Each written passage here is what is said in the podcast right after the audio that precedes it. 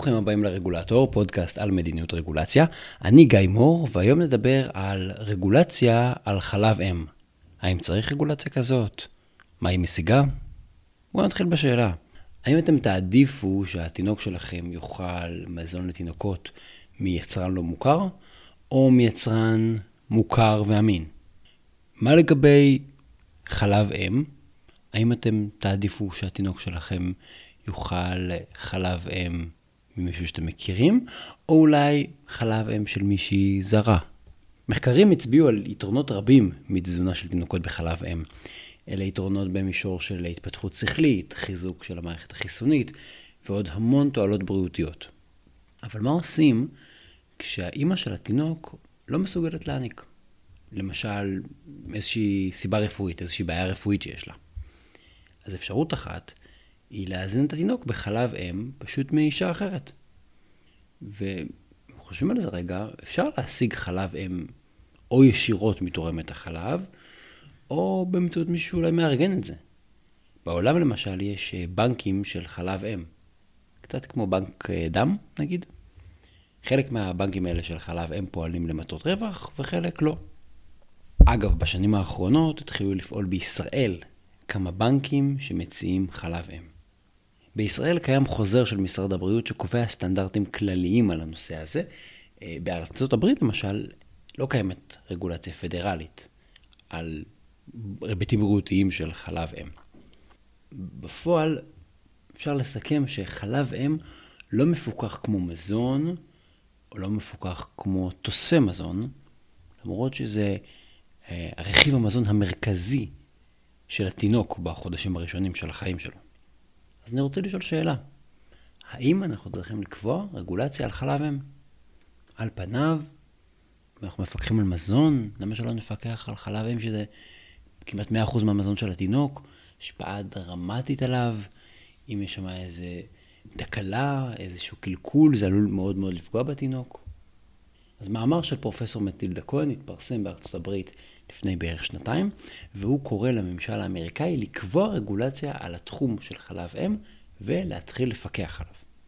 אני רוצה לספר לכם על ההצעה הזאת לרגולציה על חלב אם, כי היא תעזור לנו להבין איך אפשר לפרק רגולציה, ואז גם לשאול את השאלה האם היא נחוצה והאם הרגולציה בכלל הגיונית. אז בואו נתחיל רגע עם להבין איך עובד שוק חלב האם בארצות הברית. מה שמחבר את המאמר טוענת זה שה-FDA צריך להיות הרגולטור שיקח אחריות על חלב האם. והיא מסבירה שחלב אם דומה לשלושה תחומים שה-FDA כבר מפקח עליהם היום.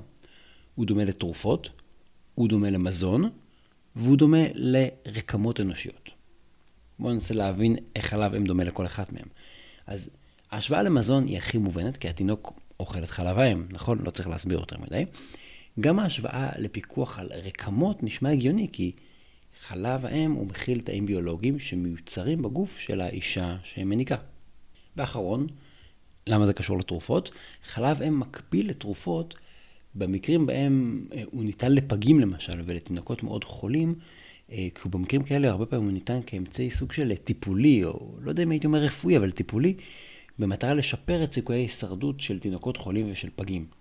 וכמובן, כמו שאמרתי קודם, יש לחלב אם השפעה משמעותית על התפתחות מערכת החיסון ועל הבריאות של כל התינוקות. אז זה הקונטקסט של חלב אם בהשוואה למוצרים אחרים שמפוקחים היום על ידי ה-FDA, אבל יש סיבה טכנית, לא מהותית, לזה שחלב אם לא מפוקח על ידי ה-FDA. דיברתי על זה בפרק קודם, שה-FDA מגדיר חלב כהפרשה חלבית המתקבלת בחליבה מלאה של פרה בריאה אחת או יותר. אחר כך הם הרחיבו את זה גם לעיזים ולכבשים.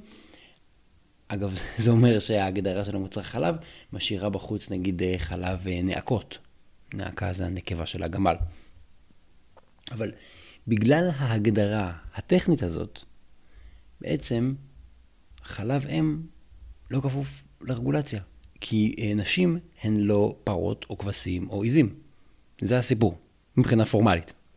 עכשיו, בגלל הוואקום הרגולטורי הזה, יש שחקנים שפעילים בשוק חלב האם, והם יצרו לעצמם רגולציה פרטית והכפיפו את עצמם וולונטרית לרגולציה הזאת, כי ה-FDA פשוט לא משחק בתחום. דוגמה אחת כזאת היא התארגנות וולונטרית של בנקים לחלב אם שהקימו את ה-Human Milk Banking Association of North America.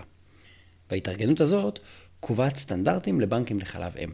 למשל, כללים לגבי הטיפול והאחסון של החלב, וגם כל מיני הוראות כמו שתורמות החלב צריכות לעבור בדיקות רפואיות כדי לוודא שהחלב שלהן לא יישא מחלות. זה החסר הרגולטורי והרגולציה הוולונטרית שממלאת את הוואקום הזה. אם אתם רוצים להבין את היקף השוק, אז לפי המאמר, בנקים של חלב אם זה עסק ממש רציני בארצות הברית. אספקה יומית של חלב אם מבנק ללא מטרות רווח, תעלה לכם בין 68 דולר ל-135 דולר. זה די יקר לאכיל תינוק וזה, זה העלות ליום. 68 דולר עד 135 דולר, ואם אתם רוצים לקנות מבנק שפועל למטרות רווח, ייקח מכם בין 170 ל-200 דולר ליום. זה מאוד מאוד יקר. שימו לב שזה המחיר מבנקים. קשה לנו לדעת מה המחיר של חלב אם שנמכר באופן ישיר, כי זה לא כל כך מדווח, אבל כנראה שהוא הרבה הרבה יותר זול. טוב, אז אחרי ההקדמה הארוכה הזאת על חלב אם ועל ה-FDA ועל כמה כסף זה מגלגל, בואו נשאל את השאלה הגדולה. איך לפקח על חלב אם? וההצעה במאמר היא מאוד מעניינת בעיניי, כי היא בעצם מציעה לבנות רגולציה דיפרנציאלית, שמחולקת לשלוש קבוצות, אה, בעצם שמבוססות על מאיפה אנחנו מקבלים את חלב האם. הרי אמרנו שאפשר לקבל את חלב האם באופן ישיר, אפשר לקבל מבנק למטרות רווח, או מבנק חלב ללא מטרות רווח. עכשיו, במקרה או שלא במקרה, ראינו שגם ה-FDA מפעיל שלוש מערכות שונות של פיקוח על שלושה תחומים שדומים לחלב אם. אמרנו מזון, תרופות ורקמות אנושיות. אז במחברת של המאמר בעצם מציעה להתאים בין שלוש מערכות הפיקוח לשלוש הדרכים להשיג חלב אם. תגידו אם זה נשמע לכם הגיוני, או שזה פשוט נוח מדי שיש פה שלוש דרכים להשיג חלב אם ושלוש מסגרות פיקוח. אבל זה מה שהיא מציעה. נתחיל באספקה ישירה. מסחר ישיר בחלב אם מבוצע בצורה פרטנית ובלי אופרציה מסחרית או מסובכת יותר מדי. בסוף מדובר באספקת חלב באופן פרטי וכנראה בהיקפים מצומצמים יחסית, כי מדובר באישה אחת שנותנת למישהו אחד. לכן גם רמת הסיכון נמוכה. ולכן גם מבינים מבחינה כלכלית שמי שמספק את חלב אם באופן ישיר לא יכולה לשאת בעלויות כבדות מדי. ולכן פה מציעים להטיל רגולציה מקלה יחסית. במאמר בעצם ההמלצה היא להגדיר חלב אם שמשווק באופן ישיר כמזון, ואז להכיל עליו את שיטות הפיקוח של FDA על מזון. הלאה, נעבור לבנקים ולחברות לא מטרות רווח שמספקים חלב אם. אז לארגונים כאלה כבר יש איזושהי אופרציה, כן? הם צריכים לאסוף את החלב ממספר נשים ולחלק אותו וזה יותר חלב. האופרציה קיימת אבל היא צנועה בהשוואה לחברות למטרות רווח, לתאגידים ממש מסחריים. עכשיו, יש פה גם הבדלים בגודל, ו, וגם עניין כלכלי. כי הבנקים ללא מטרות רווח גובים מחירי עלות רק כדי לקיים את הפעילות, אז גם אין להם יכולת לשאת בעלות ציוד גבוהה. ולכן המחברת של המאמר ממליצה שחלב אם שנמכר על ידי בנקים שללא מטרות רווח יוגדר כרקמה אנושית. זאת רגולציה יותר מחמירה מהרגולציה של FDA על מזון, היא במין מדרגת ביניים כזאת. כאן לא צריך אישור מקדים מה-FDA, אבל יהיה יותר פיקוח בהשוואה לרגולציה הסטנדרטית על מזון. זאת אומרת, הרגולציה הזאת מחפשת איזשהו איזון בין עלות לבטיחות. והקבוצה השלישית זה בנקים וחברות למטרות רווח.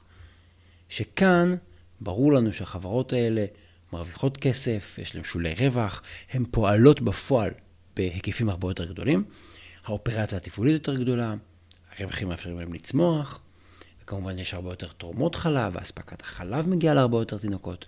בקיצור, ההיקף של ההשפעה יותר גדול, ההסתברות לסיכון יותר גבוהה, ולכן, לפי המאמר, חברות כאלה גם, גם צריכות וגם יכולות לעמוד ברגולציה עם הוראות יותר מפורטות ויותר קפדניות. ולכן ההמלצה היא שחלב שנמכר למטות רווח יוגדר כקטגוריה של תרופה מבחינת המשטר הרגולטורי, ואז יחולו עליו ההוראות המחמירות של ה-FDA. הוראות לגבי תרופות כוללות למשל דרישה של אה, ביצוע ניסויים קליניים מראש, קבלת אישור מקדים לפני שיווק, כל מיני תקנים לגבי תהליך הייצור וההפצה. זה באמת כל הבירוקרטיה המפורסמת שה-FDA יודע להפעיל על תרופות. אז מה שראינו פה בעצם זה ניסיון להסתכל על חלב אם דרך המשטר הרגולטורי של ה-FDA.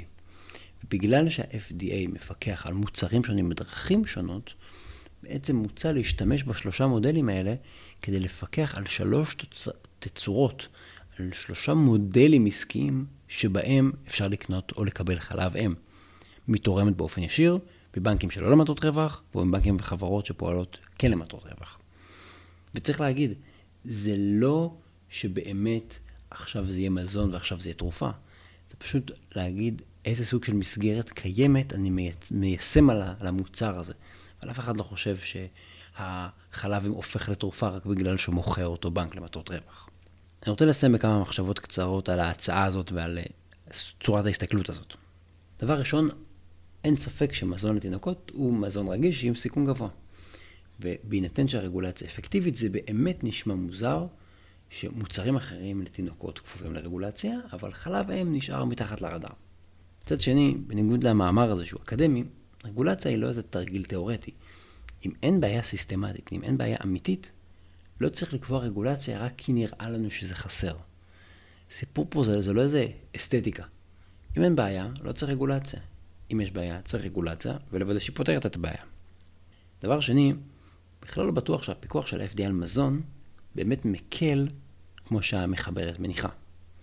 הרי בסוף צריך לבדוק בפועל מהם ההוראות, צריך לראות כמה יעלה בפועל לציית להוראות האלה, ובמה זה כרוך במעגלים היותר רחבים, כי לפעמים זה לא רק מה אומרים לי לעשות, זה למשל איזה פעולות אני לא מצליח לעשות, או איך זה משפיע על כלל ההתנהלות שלי. לא בטוח שאפשר לעשות העתק הדבק בין תחומים שונים.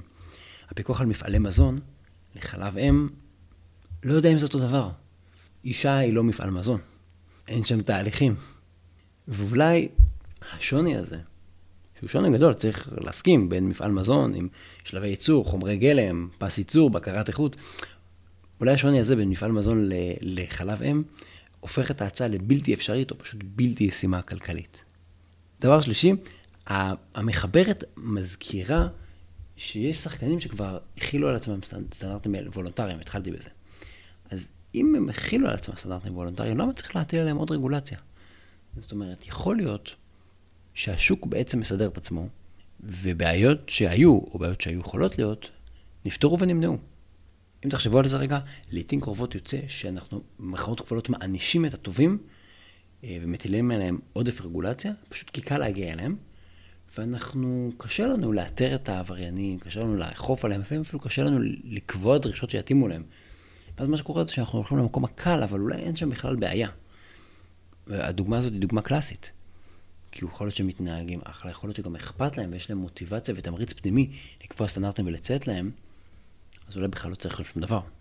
נקודה רביעית, צריך להגיד שיש סיכון, כלומר בכל רגולציה, שהרגולציה הזאת תגרום לעיוות התנהגות ולהסתה למסלולים אחרים. למשל, אם יהיה בלתי אפשרי לציית לרגולציה על אספקה ישירה, אז תורמות פרטיות פשוט יתחילו לתת את החלב שלהם לבנקים או לחברות. ומעבר כזה ייקר את מחיר החלב עבור מי שקונה, או אולי אפילו יפגע באספקה שלו. זאת אומרת, יכול להיות שהרגולציה לא רק תהפוך את זה ליותר יקר, אלא פשוט תשבור משהו בשרשרת האספקה והייצור. ונקודה אחרונה וחמישית, זה שהשאלה היא לא רק מה הוגן, או מה ראוי מבחינה פילוסופית. אנחנו צריכים לבדוק מה תהיה השורה התחתונה, הפרקטית. וצריך להבין האם העלויות של הרגולציה הזאת שוות את זה. ושוות את זה הכוונה, אם הן רק מייקרות את מחיר החלב, ורק זה, זה ממש לא בזלזול, זה, זה במרכאות כפולות, כי באיזשהו שלב כשמוצר מתייקר הוא כבר הופך להיות לא נגיש. ראינו שהחלב הזה שמוכרים אותו בנקים וחברות, מוצר די יקר, דיברנו על 100-200 דולר ליום. ויכול להיות דברים יותר גרועים מלייקר את המוצר. למשל שהרגולציה תגרום לקריסה או לסגירה של הפעילות לגמרי. ואז נתנו בטיחות, אבל כולנו הפסדנו. בכל אופן, השיח על חלב אם מעלה פה שאלות מאוד מעניינות. וממשהו שהוא נשמע מאוד מאוד טבעי, אימא שמניקה את התינוק שלה, איך אפשר לפקח על זה, אבל ברגע שזה הופך להיות פעילות מסחרית, אז זה כבר מתחיל להזמין את הממשלה להיכנס. אם צריך או לא, אני חוזר לשאלה המקדמית והראשונה. אם אין בעיה, אנחנו בכלל לא פותחים את הדיון. אם יש בעיה, משמעותית בהיקף שלה, סיסטמטית, אז יש על מה לדבר. זהו. תודה שהאזנתם לפרק הזה של הרגולטור, אני גיא מור. אתם מוזמנים להיכנס לאתר האינטרנט רגולטור.אונליין. יש שם את כל המקורות של כל הפרקים עם אה, הפניות, גם למקורות וגם לפרקים ולפוסטים נוספים שהזכרתי או שקשורים לנושא של הפרק. אתם מוזמנים להיכנס ולעקוב דרך אה, הפייסבוק, דרך טוויטר, בלינקדין, אה, בטלגרם יש לנו קבוצה. תודה רבה לעומר קרן על עריכת הסאונד. התכנים משקפים את דעותיי בלבד.